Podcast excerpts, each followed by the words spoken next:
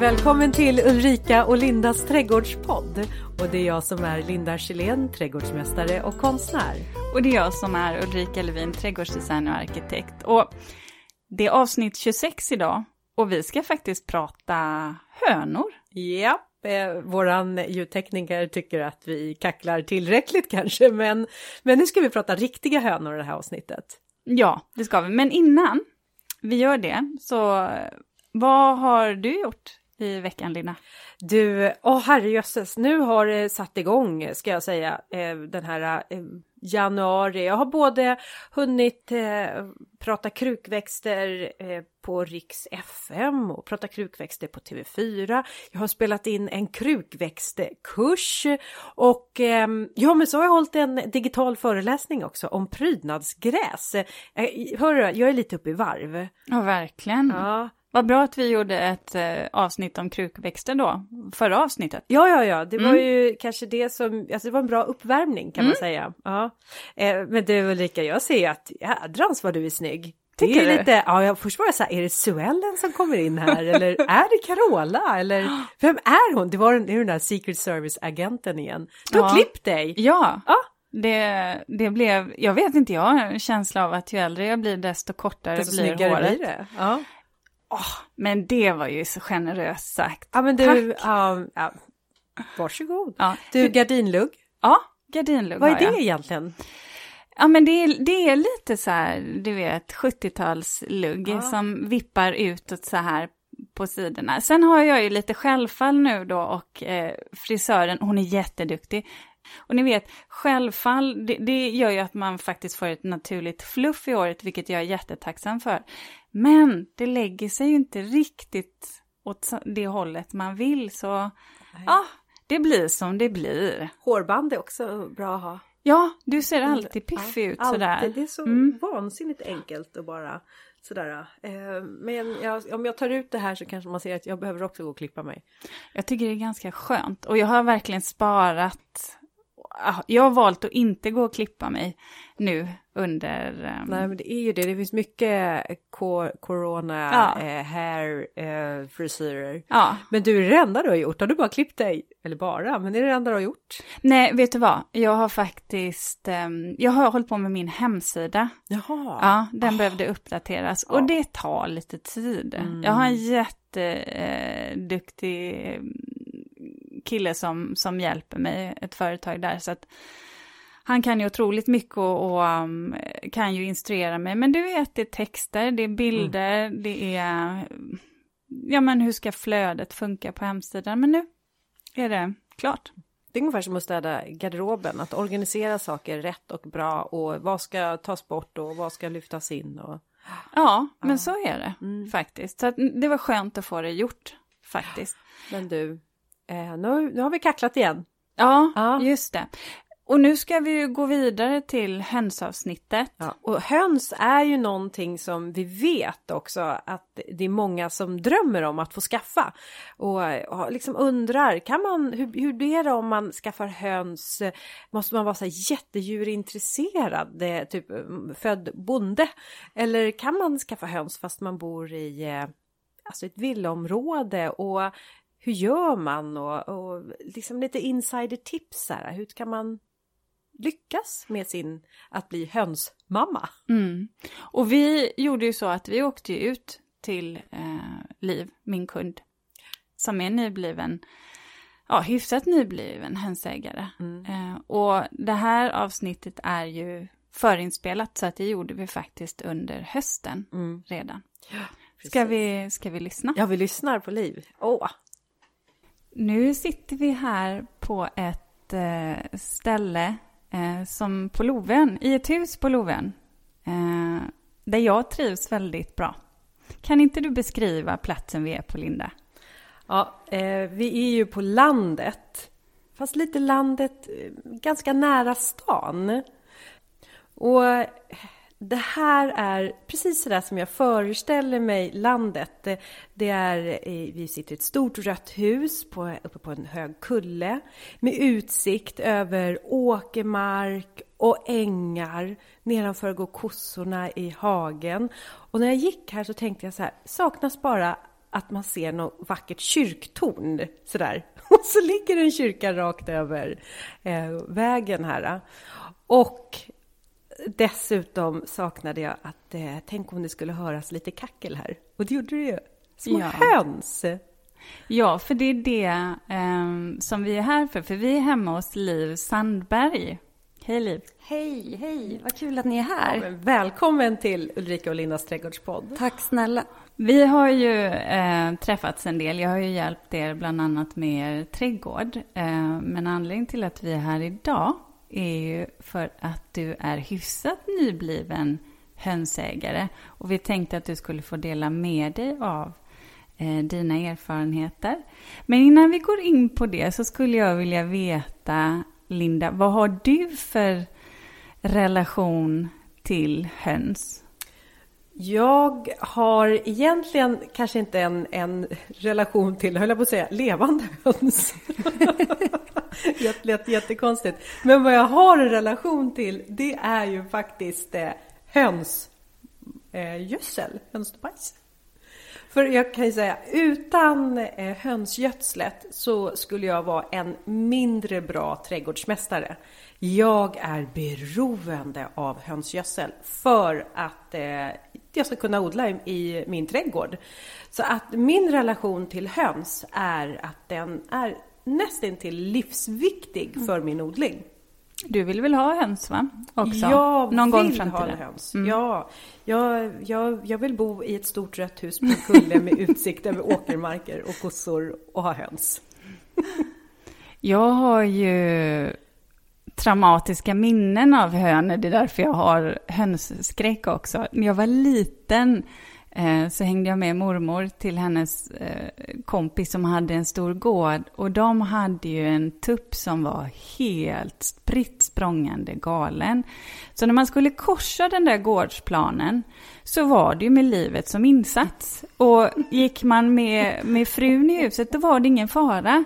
Men kom jag själv som ett litet barn Alltså det var klor och näbb som mm. kom emot en i en rasande fart så att jag, jag tycker den kombinationen, klor och näbb, är väldigt, väldigt obehaglig än idag. Vad ska jag... Men Liv, jag tänker att du måste gilla hönor eftersom du har skaffat det. Eh, och hur kom det sig att, att du valde att skaffa höns?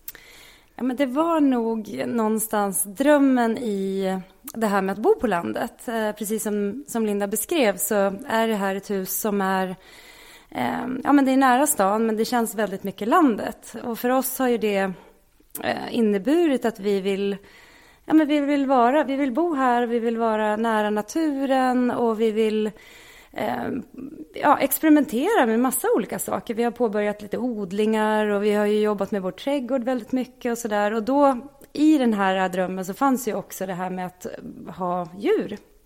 Och då kändes hön, höns, hönor som ett, ett bra första insteg i det.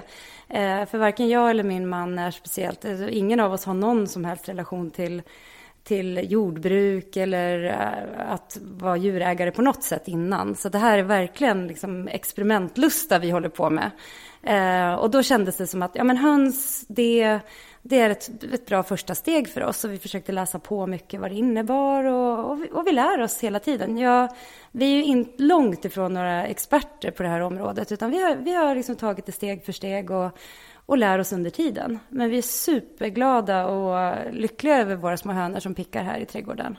Vad ska ni ha hönorna till? Alltså äggen eller ja, äter ni dem? Ja, absolut. Nej, men i, i början så var det väl mer ett trevligt inslag i trädgården. För att eh, och så. Och med allt också att eh, lära sig om liksom, hur funkar ett hönshus, vilken typ av hönor ska vi ha och så vidare. Men det är klart att äggen är ju en helt fantastisk gåva som man får varje dag. Och det är det helt makalöst att eh, använda äggen i matlagning eller göra pannkakor eller sockerkaka eller vad man nu gör för någonting. Det är stor skillnad och känslan av att plocka sina egna ägg eh, varje dag är helt fantastisk. Hur många ägg får man? Ja, ja får man? Ja, men det, det var, ni har åtta hönor? Ja, vi har åtta hönor. Och eh, just nu är det mm, fem av dem som, som värper. Men de värper lite i olika omgångar. Ehm, men när, allt, när allting funkar som det ska så, så kan man få ett ägg per höna om dagen. Och det är ju helt fantastiskt. Och det, det, innebär ju att den lilla hönan hon har ju ägglossning varje dag. Och det tycker jag så, det är naturens under när man tänker på den här lilla, lilla kroppen som får ut det här ägget som är ett sånt fantastiskt livsmedel på så många olika sätt. Kan man märka skillnad i vad de äter? Alltså smakar äggen annorlunda på vintern kontra på sommaren när de kanske äter mer av det som finns i trädgården naturligt? Det har, det har jag nog faktiskt inte märkt någon skillnad på. Och det är väl också för att våra hönor, de går ute i princip året om. Eh, det är klart att de, en riktigt kall vinterdag, då håller de sig inne. Eller om det spöregnar, och sådär, då är de inne i hönshuset. Men annars går de ute och pickar i trädgården i princip året om. Så det har vi nog inte märkt någon skillnad på. Men det man märker skillnad, det är ju att gulan är ju knallgul verkligen. Och eh, ja, men allting smakar bättre med hemma, hemmalagda ägg helt enkelt. Mm hemmalagda och blir hemmalagat. Ja.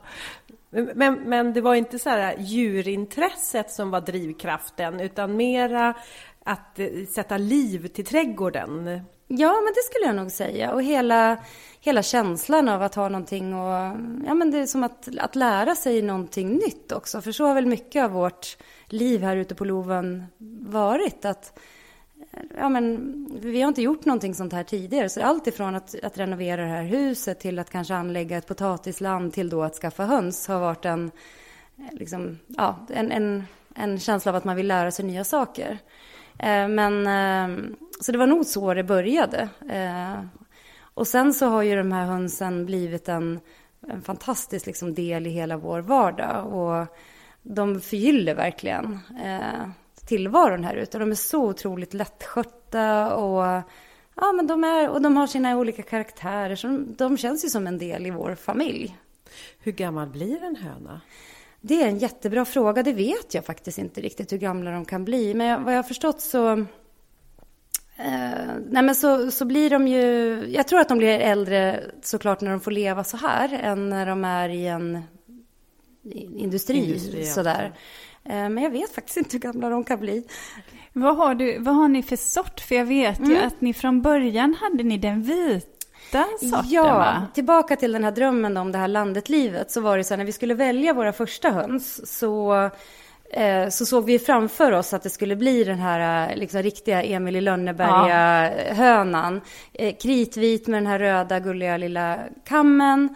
Ehm, och då valde vi en, en sort som heter gammelsvensk vit leghorn. Och det är ju en, ja men det är en sån klassisk eh, svensk ras. Eh, och det kändes väldigt fint att, att välja den också för att vad, vad, när vi läste på så förstod vi att de, de är inte, alltså de, jag ska inte säga utrotningshotade, men de är, det finns inte så många av den sorten kvar i Sverige. Så då kändes det också härligt att få vara, ja, på något vis var, var med att säkra den rasen och så vidare. Och de var fantastiskt fina. Vi åkte ner, vi hittade en, en, en gård i södra Sverige så vi åkte och köpte dem där. Så det var ett ganska, ganska stort eh, projekt. Eh, men sen så, eh, sen visade det sig, allting gick jättebra, eh, men sen visade det sig att de syns ju väldigt mycket från, från ovanifrån. Ja. Så att tyvärr så blev de attackerade då av både ormvråk och vi hade faktiskt en havsörn som kom och, ja, och tog en av hönorna. Alltså det var lite traumatiskt. Så att vi, och då fick vi lära oss det den, den hårda vägen kan man väl säga. Att, att en kritvit höna eh, kanske inte är lämplig när man har mycket rovfåglar i området. För de syns så väl ovanifrån. Um, och sen så blev någon uppäten av någon räv och, och så vidare. Så att den, nu när vi är inne på vår andra kull eller vad man ska säga så har vi valt en annan sort som är mer eh, som är lite mer kamouflerad i trädgården. Och de har klarat sig mycket, mycket bättre. Ja, för de är ju, de är ju verkligen spräckliga. Jag vet när jag var här eh, för några veckor sedan eh, så spatserar de ju runt i, i trädgården och då blir de ju, alltså bland växtligheten så syns de ju knappt. Nej, nej men och det har ju gjort att de har klarat sig. För vi vill ju att de ska kunna gå så fritt som, som det bara går. Och nu har vi då Nu har vi, en, vi har ett gäng som är en holländsk dvärghöna och sen har vi någon som heter amerikansk dvärghöna också. Um, men ni kanske lägger märke till att vi inte har några tuppar? Ja. Ja. Ja, och det är ju, tycker jag, ett intressant område att prata lite om. Eh, Jag tänkte precis säga det, tupp, fördelar, nackdelar. Ja, för i början när vi började läsa på så var det ju så här, nej men eh, tuppen fyller en sån viktig funktion och han håller ordning på sina hönor och vaktar och ser till att de ja, sköter sig och håller ihop i gruppen och så vidare. Eh, så i första omgången så hade vi en tupp och det funkade väldigt bra inledningsvis. Eh, men sen växte han till sig och blev ganska stor eh, och kaxig. Eh, och jag vill inte spä på din höns och tuppfobi här, men han blev ganska elak faktiskt. Jag, jag, jag, visste, jag visste det, det skulle komma. Japp. På vilket sätt då? då? Han... Nej, men han, han började liksom kaxa upp sig mot, mot oss och eh, mot gäster och lite sådär. Och jag vet att min syrra fick känna på de här sporrarna någon gång i, när hon eh, stod och packade in saker i sin bil så kom han liksom Var det Ja. revirpinkande egentligen? Ja, så det, blev, det blev nog Coq au vin, tror jag av honom eller någonting annat. Vi, han, nej, men det, det kändes som att utifrån att vi, hur vi ville... Vi Ni ville blev trängda i, i, på er egen tomt. Ja, det började, till, på slutet var det lite så här, nej men ska vi gå ut i trädgården eller inte? Och då, då, då, då kände vi att nej men det är nog viktigare att vi och barnen kan vara och njuta av vår trädgård än att vi har en tupp.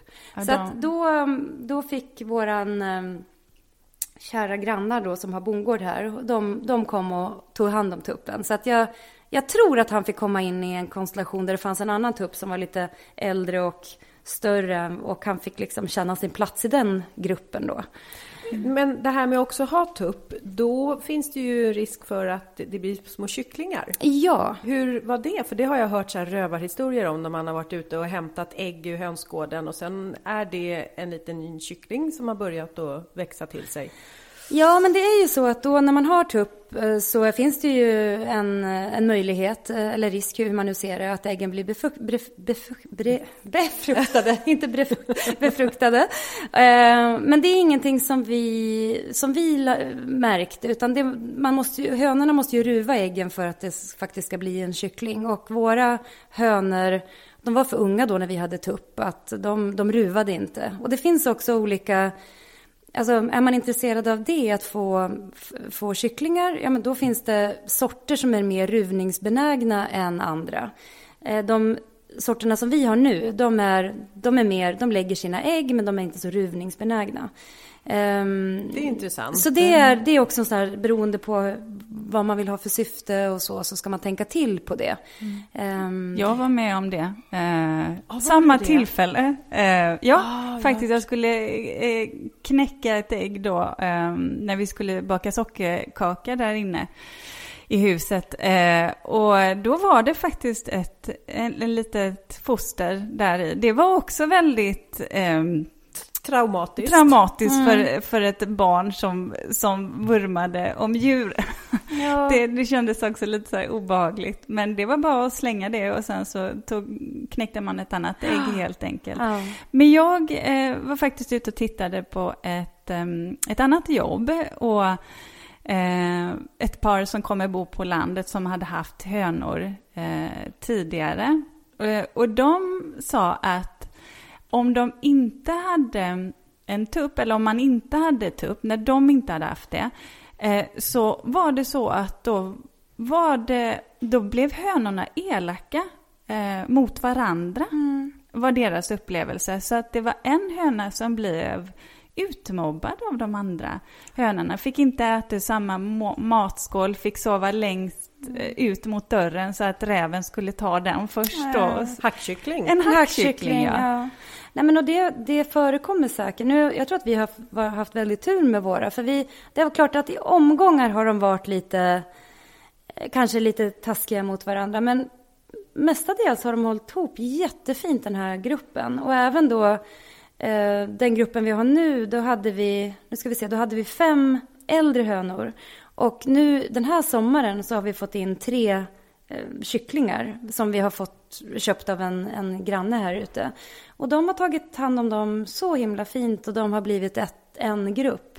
Så att jag tror att det, det beror väldigt mycket på eh, ja, gruppens sammansättning helt enkelt och så. Men vi har ju då, vi försökte med tupp ytterligare en gång just för att vi då ville utöka gruppen och att vi skulle få kycklingar också. Men även den tuppen blev ilsken faktiskt. Så att det två, i två omgångar har vi behövt, vad ska man säga, inom situationstecken här nu, göra oss av med tupparna. Eh, så för alla manliga lyssnare här så det är väl så. Jag tycker tjej, tjejer eh, de, de klarar sig ganska bra ändå. De klarar att hålla ihop sig och ja. inte bli uppätna utan att vi har något manligt sällskap. Men sen är det väl också så här, har man höns i ett villaområde då får man väl inte ha en tupp heller eftersom den är, det är lite livat och glatt med en ja, tupp. Ja, men exakt. Och sen var det ju så, det kan man ju tycka vad man vill. Jag tyckte i och för sig att det var trevligt att han att, han, eh, att den gal på, på morgonen och sådär. Men det gör de ju, så det, de, det, det, låter ju mer när man har tupp också. Och det, är ju, det ska man ju säga med, till tupparnas fördel. De är ju otroligt vackra också. De är ju ja. jättefina. Så får man nu en... kom det en fördel. Det, ja. Jag tänkte, det finns det bara nackdelar? Nej, det några. nej ja. men jag menar, har man... Har man, och, och, nu har vi haft otur, men har, det finns ju sådana som har fantastiskt fina tuppar som gör ett jättefint jobb och håller ihop gruppen. Och precis det här som som man läser om att de ska göra utan att bli elaka. Så att jag tycker man ska, man ska försöka. Och har man, för har man tur så tror jag att det kan bli ännu en härlig, härligare upplevelse att ha en tupp. Eh, en annan fråga då. För om man har hund. Jag träffade på världens sötaste lilla Rufus. Ja. en, eh, en liten dvärgpudelvalp. Chokladbrun. Alltså så söt som ni har, ja. som en ny familjemedlem här. Ja. Men jag har hört att om man har hund så kan det vara att föredra en hönssort som inte är så flaxig. Ja, nej men det är nog bra. Och så sen så tror jag att man ska försöka låta dem möta varandra tidigt och sådär, vänja sig vid varandra. Um, vi, vi har inte sett några problem mellan hunden och hönsen än så länge, så jag hoppas att det ska funka bra. Jag har en äldre hund och jag undrar hur hon... Men i och för sig, hon jagar inte fiskmåsar eller sådär. Så länge de är lugna ja. och inte springer, då håller de sig. Men jag har hört talas om att har man hund så kan det vara ett tips att välja en, en eh, hönsras som inte är så flaxig och springig utan... Just det. Mm.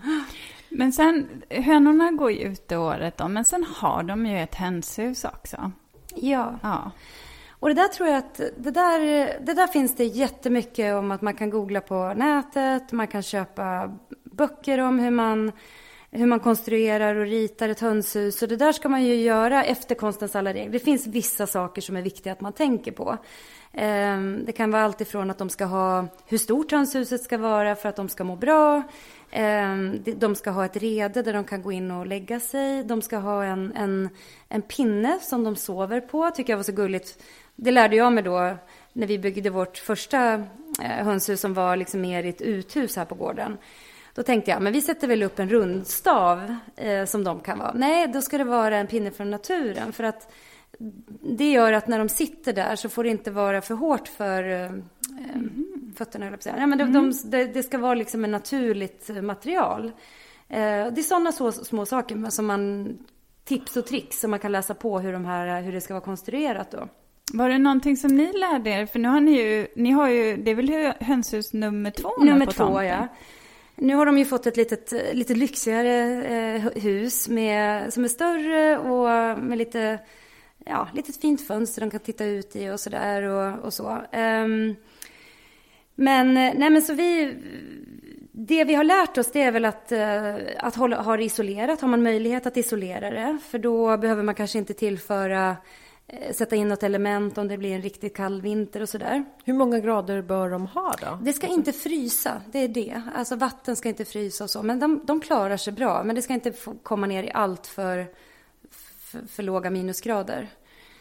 Um, men annars, annars, kan man liksom, annars kan man absolut inreda en gammal lekstuga eller någon liten förrådsbyggnad eller någonting sånt där på ett enkelt sätt. Och det mm. finns på på granngården eller liknande ställen att köpa sådana här färdiga reden och det spikar man upp på väggen och så. Och, eh, det som var praktiskt här var ju att man faktiskt kan gå in i hönshuset och det är ståhöjd.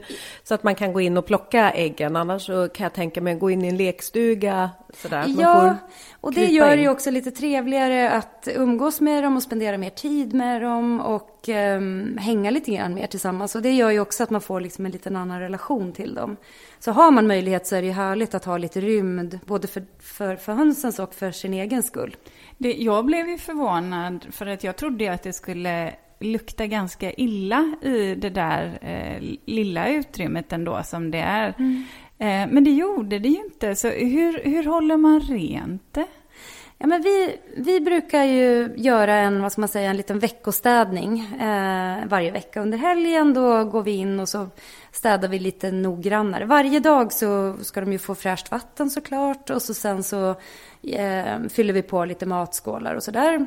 Nu är de här hönsen lite bortskämda så de får lite färsk majs och lite liksom färska eh, grönsaker och lite sånt som man, som man matrester helt enkelt. Men eh, i vanliga fall klarar de sig med vanligt hönsfoder och det som man har i, i trädgården. Du hade massa gräsklipp där? Ja, det älskar de ju att picka runt i.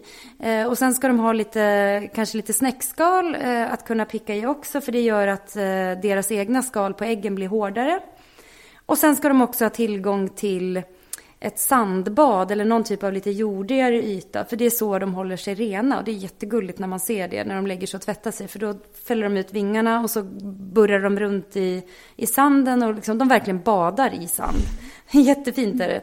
Så det är liksom, men det är ganska Ja, man, ska inte, man ska inte räda så att det är liksom för mycket som krävs, utan det är, det är ganska basic. Hur gör ni när ni städar då? Vad är det som, alltså veckostädningen, hur går den till? Ja, men då plockar vi bort lite bajset som, vi, som, har, hur, som har kommit. Skurar ni? Nej, eller? utan bara liksom har en karda och, och plockar bort det liksom och slänger det på komposten.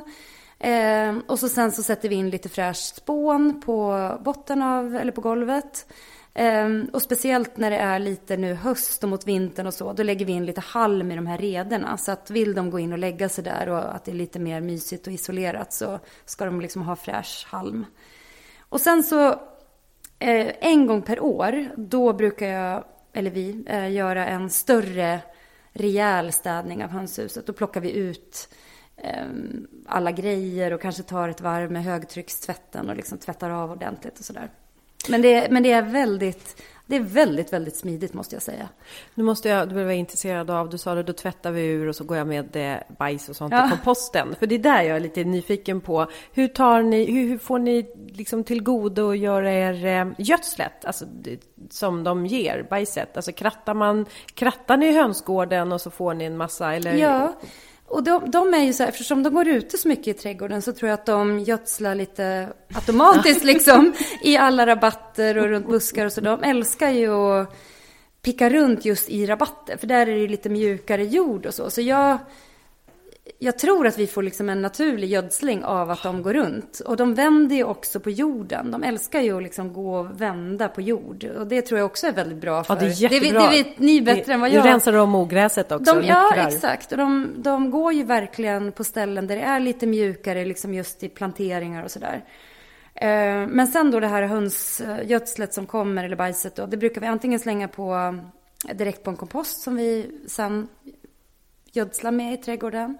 Ehm, eller så att man liksom sprider ut det lite grann i, ja, där det behövs helt enkelt. Men det blir inte som, jag är också fascinerad, men det är också beroende på lite grann eftersom våra höns går ute så mycket. De är i princip bara inne i hönshuset på natten. Så att det blir inte så mycket bajs och lukt och sånt inne i själva huset, utan de är ju mestadels ute. Så jag tror det är också en anledning att det inte luktar och och så. Jag blev, ja, för jag blev så orolig när vi kom ner till hönsgården här för det, allting stod öppet. Jag tänkte grinden är öppen och dörren är öppen. Och då berättade du precis innan att ni har haft påhälsning. Ja, alltså min svärfar som också bor här och är granne med oss, han sa att han hade sett en räv eller vi tror att det har varit en räv här och nosat runt lite grann i dagarna. Och då, eh, då, är det ju, då är det ju klart att då blir man ju lite extra om och kring sig och kanske låter dem få vara inne då i hönsgården. Um, på dagarna inte, också? På dagen då. Uh, vi har också haft liksom grävling och lite andra. Ibland kommer det liksom rovfåglar och sådär. Då, då låter vi dem vara inne någon dag tills de här eventuella djuren tappar intresse. Um, så lite sånt måste man ju vara lite om och kring sig med då. Mm. Har, alltså, har hönorna drabbats av några sjukdomar eller har de hållit sig friska? Helt friska, peppar peppar. Um, det har varit någon gång när, när man har känt att de kanske, de, de tappar ju lite fjädrar och um, lite sådär, lite i säsong liksom beroende på uh, Ja, lite så att man känner att de, de går också precis som vi människor genom lite så här perioder i livet. Mm. Uh, så att vid något tillfälle har kanske någon sett lite sorgligare ut liksom i fjäderdräkten och så. Men det, de har piggat på sig efter det och så. Så det är in, in, än så länge inga sjukdomar eh, alls. Hur ser, hur ser en vanlig dag ut? Alltså nu, nu låter det ju som att era hönor sköter sig själva till stor del. Men vad gör du från, från morgon till kväll med dina hönor? Ja men på morgonen så går vi och öppnar åt dem eh, och släpper ut dem. Eh, och då ger vi dem också färskt vatten och, och mat. Eh, fyller på lite mat och, och, så är det väldigt trevligt att man pratar med dem och pysslar med dem lite grann. Så att det gör att de också vill vara nära, att de känner sig trygga med oss. Men ty att, tycker de om när du, alltså tar ja, ni på dem, klappar? Ab absolut, och de kan, de kan absolut gilla att bli burna och de har ju varit, just i och med att vi, vi är ganska mycket med dem sådär, så när vi på somrarna, om man sitter ute och äter, då kommer de gärna och är liksom under bordet och, och är nära oss. Och det tycker jag är trevligt. Eh, det beror på om man är rädd för fåglar eller inte, men... men min Men, nej men så, så, och så sen så efter det så sköter de sig i princip själva, eller de sköter sig själva hela dagen. Och det är det här jag tycker är så fantastiskt, som jag inte förstod alls när vi eh, skaffade höns. Att när det börjar skymma, när det börjar bli eftermiddag, lite kväll sådär. Då går de helt automatiskt in och så hoppar de upp och sätter sig på den här pinnen då som man har i hönshuset. Och då, det enda vi behöver göra då, det är att stänga om dem. Eh, och det slår aldrig fel. De är liksom så fort det börjar skymma, då känner de att Nej, men nu är det nog dags att gå in till oss. Och då, då behöver man stänga dörren eh, såklart och stänga om dem. Men det är också så himla gulligt för då hoppar de upp på den här pinnen. Um, och på, på vintrarna, då är de så fina tycker jag. För då, då sitter de ofta alla tillsammans, alltså väldigt nära varandra för att hålla värmen. Och då är de så himla gulliga för då gör de också så att de varierar. Så att de byter plats. Så att de, ibland får man sitta längst ut och så sen ibland får man komma i mitten och få värme. Och så sen sätter man sig längst ut. Så att de, liksom, de hjälper varandra att hålla värmen. Även, även de här nya, de här nya tre små ja. som kommer in. De har de får vara med i gemenskapen. Ja, I början var det ju lite liksom två läger sådär. Ja. Men nu sitter de alla tillsammans och håller ihop verkligen. Och, mm. och just det här med att de liksom de sover då tillsammans och hjälper varandra att hålla värmen när det är lite kallare tycker jag är så himla gulligt. Mm. Men man kan inte lämna dem själva eh, utan man behöver daglig tillsyn? Nej men jag skulle säkert säga att det är okej att lämna dem någon dag eller två liksom. Men då kan man ju inte ha dem ute. Då får man, nu har ju vi en hönsgård utanför också med nät. Eh, så där skulle de absolut kunna vara en eller två, tre dagar själva, mm. tänker jag.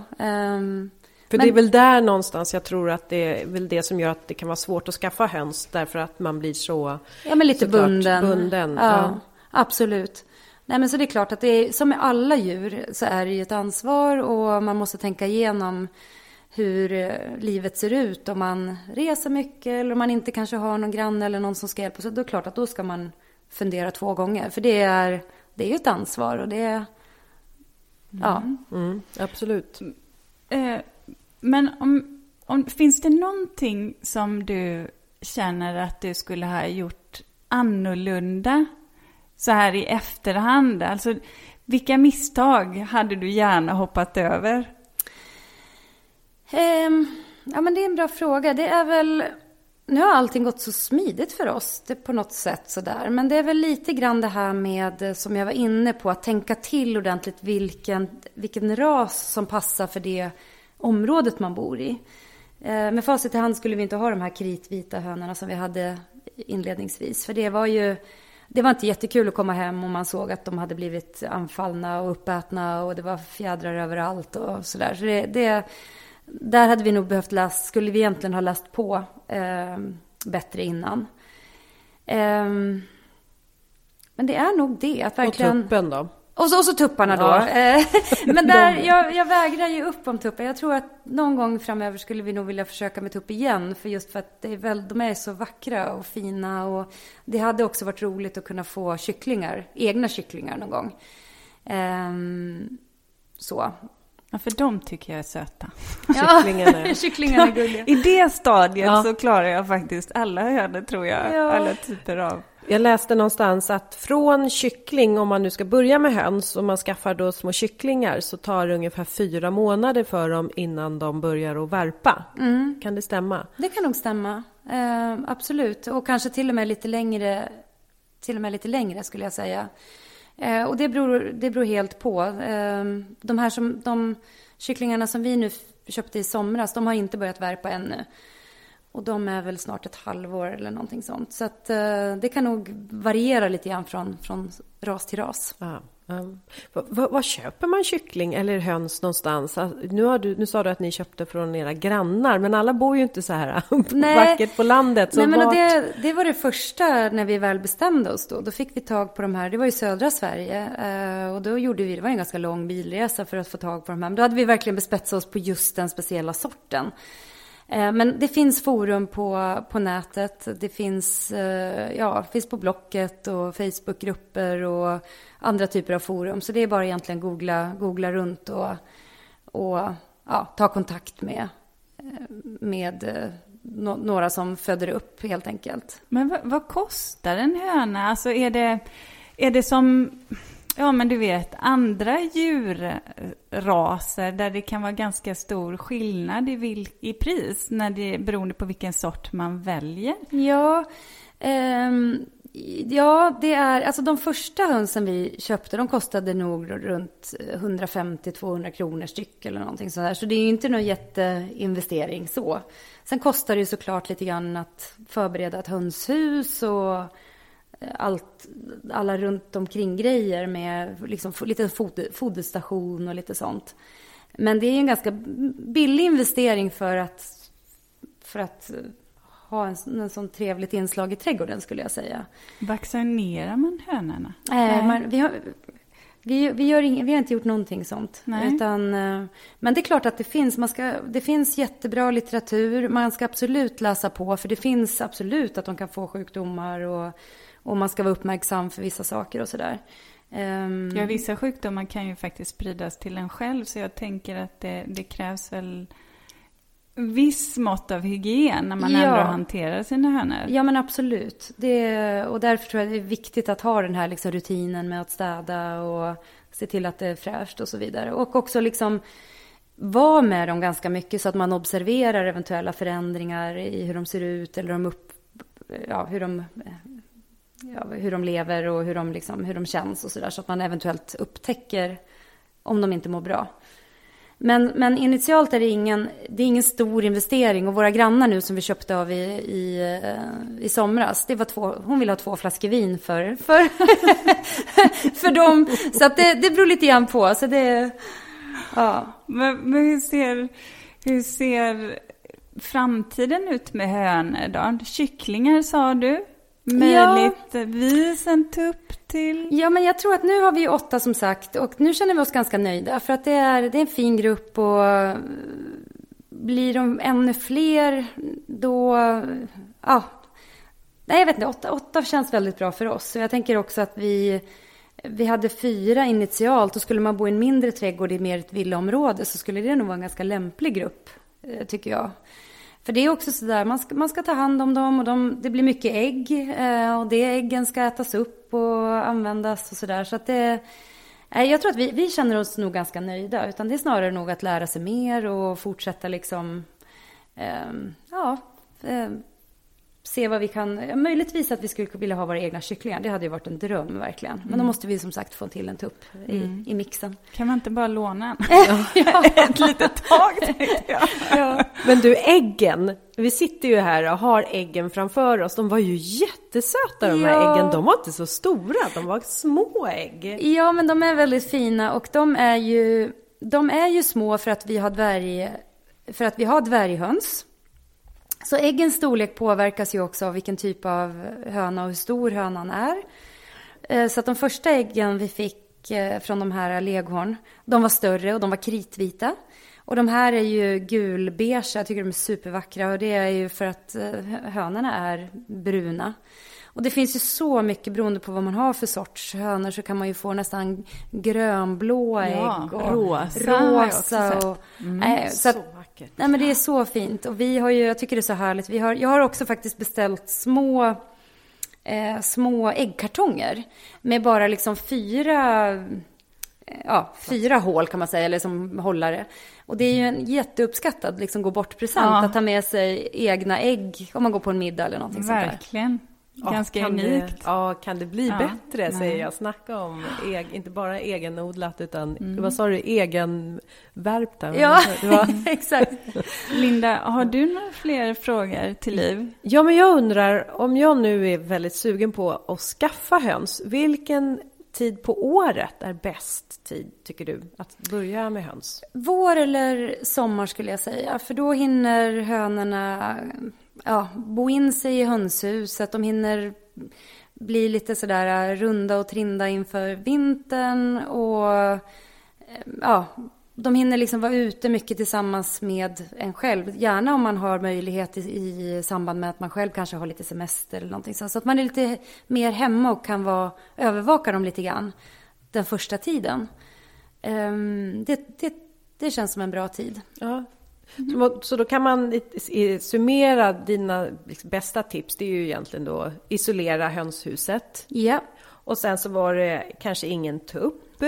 Ehm, och sen så såklart naturligt material inne i hönshuset eftersom de trivdes bättre på ja pinnarna. absolut. Och var noga med att städa. Ja, absolut. Och så läs på. Det finns som sagt jättemånga fina böcker och bloggar och Youtube och alla möjliga olika kanaler där man kan lära sig mycket. Och det är väl alltid bra när man ska in i ett nytt typ av äventyr och liksom öppna en ny dörr i sitt liv. Att läsa på så mycket som möjligt innan.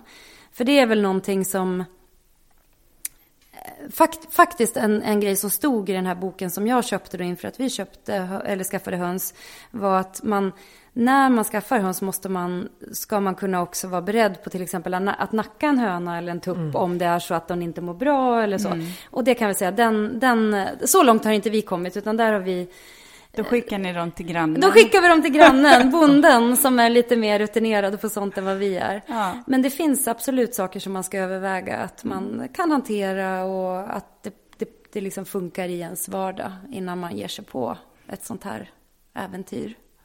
Det verkar så enkelt. Det här kan jag nog klara av. Ja, det måste jag säga också. Jag får ju komma över min hönsskräck först. Men då var det ju det där med tupp faktiskt. Eh, Jag har lärt mig en hel del. Ja, massor! Ja.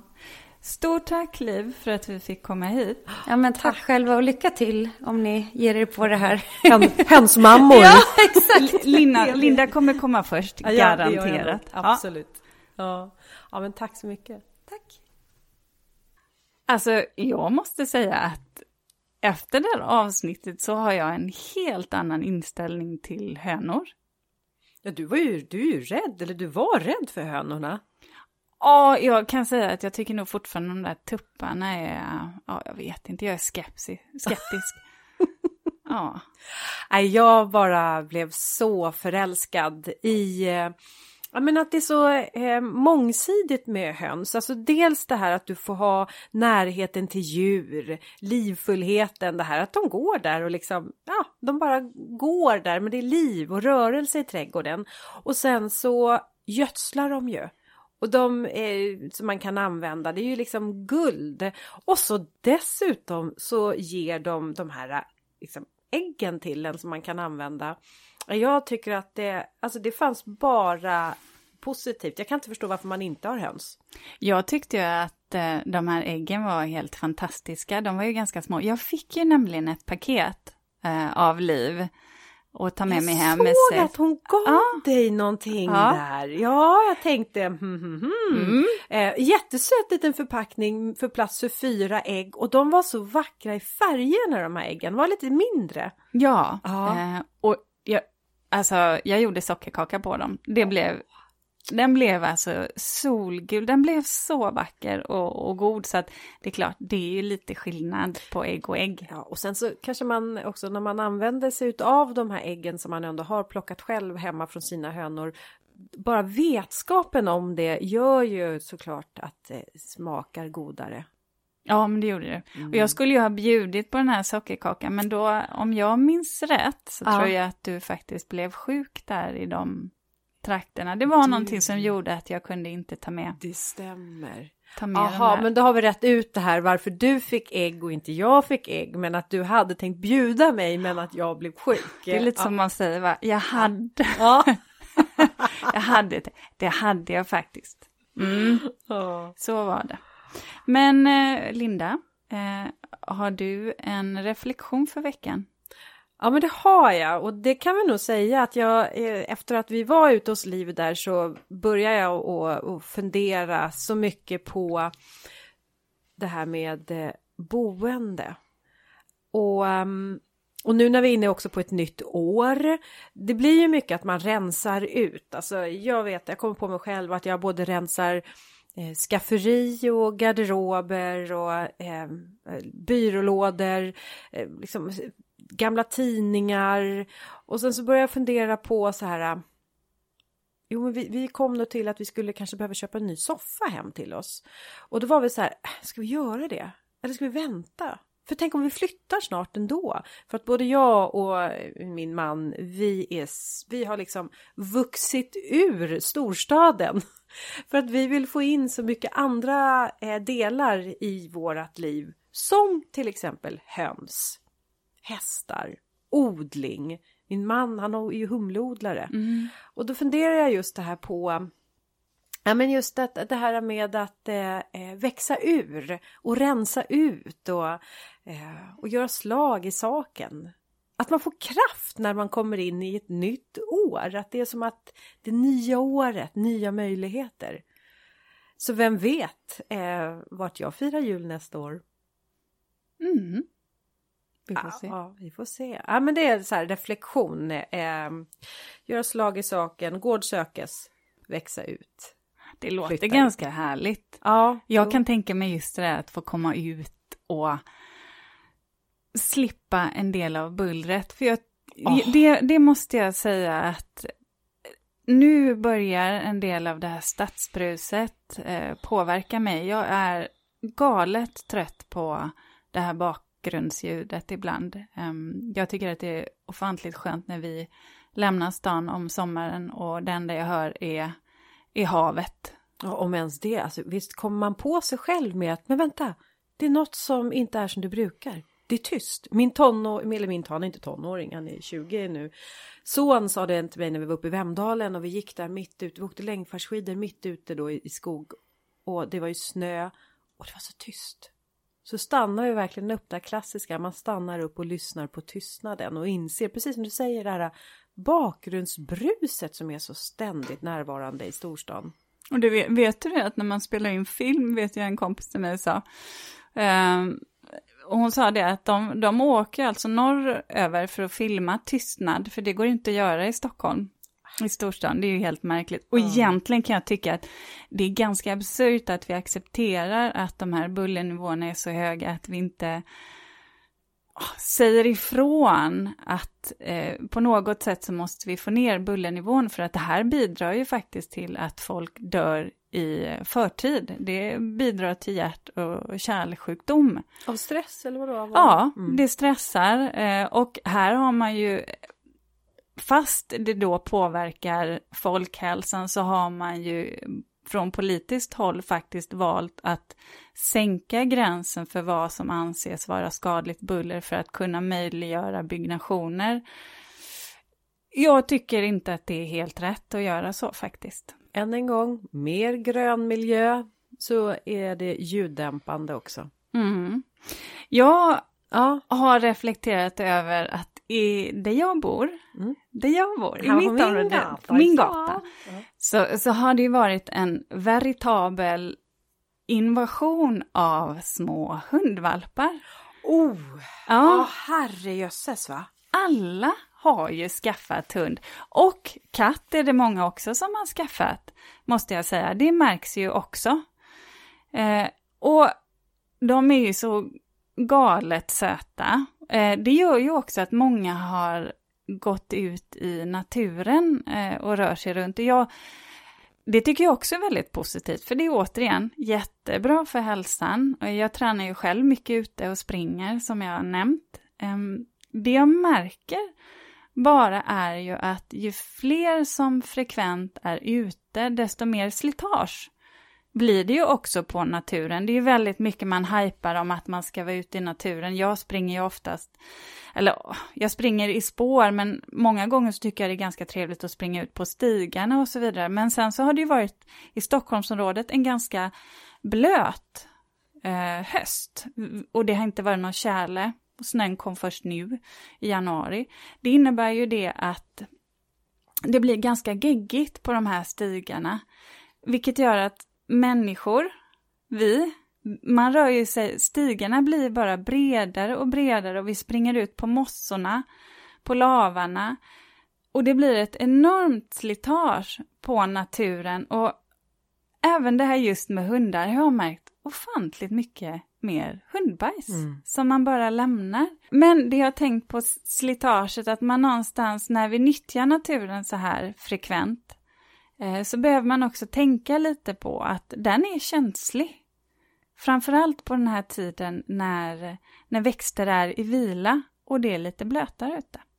Jo, för det är väl så också att eh, har man gjort misstagen och kanske ute och går då på gräsmattan när eh, inte kärlen är eller att det är liksom blött ute i marken så förstör man ju gräsmattan. Men det lär man ju sig av, av erfarenhet att ah, okej, nu är den perioden när vi inte ska beträda eller precis som du säger att vi ska försöka hålla oss på stigarna. Men det kanske är ganska många som inte brukar vara ute i skog och mark nu och det, det är många ja, det är väl också det där med att de misstagen måste ju också begås, men det är klart att när väldigt många är ute samtidigt så. Eh, men det är motsägelsefullt, för vi vill ju att så många som möjligt ska vara ute och njuta av vår natur och allemansrätten. Eh, så att det blir också sådär då att ja, är man det så, mm, ja det är motsägelsefullt. Jag tycker absolut att det är bra att vi kommer ut, för vi mår bra av att vistas i grönska. Det ska vi göra. Däremot så kanske man får se det som, man kan inte se det som att naturen är ens eget privata utegym där man kan lyfta stenar hur som helst eller ja men, ja men liksom använda grenar så det är ju ändå så att det, det finns små organismer som också växer eh, på de här ytorna som vi behöver ha kvar. Så att, ja, då kanske ett utegym faktiskt är att föredra Ja, inför vissa det. grejer. Då kan vi rekommendera det avsnittet om Ja, just det. utegym. Mm. Hur, eh, hur, hur det gick till när du byggde ditt utegym eller eh, kanske var det du och din man som byggde utegymmet? Ja, eller så får man, ja precis, man, det finns ju kommunala, allmänna som Mm. man kan nyttja. På, på tal om det, lyssna gärna på, på gamla avsnitt för nu går vi in mot en säsong, eh, ja en trädgårdssäsong här om några månader i alla fall. Mm. Det gör vi. Ja, Åh, vad jag är ivrig på det. ja. Ja. vi säger så. Tack för idag Linda. Ja, men tack själv Ulrika och Ja. tack till er som lyssnar. Vi ses snart igen, eller hörs gör vi. Ja, Ja. hej då. Hej då! TV-människa. Ja, men eller hur? Vi ses. Alla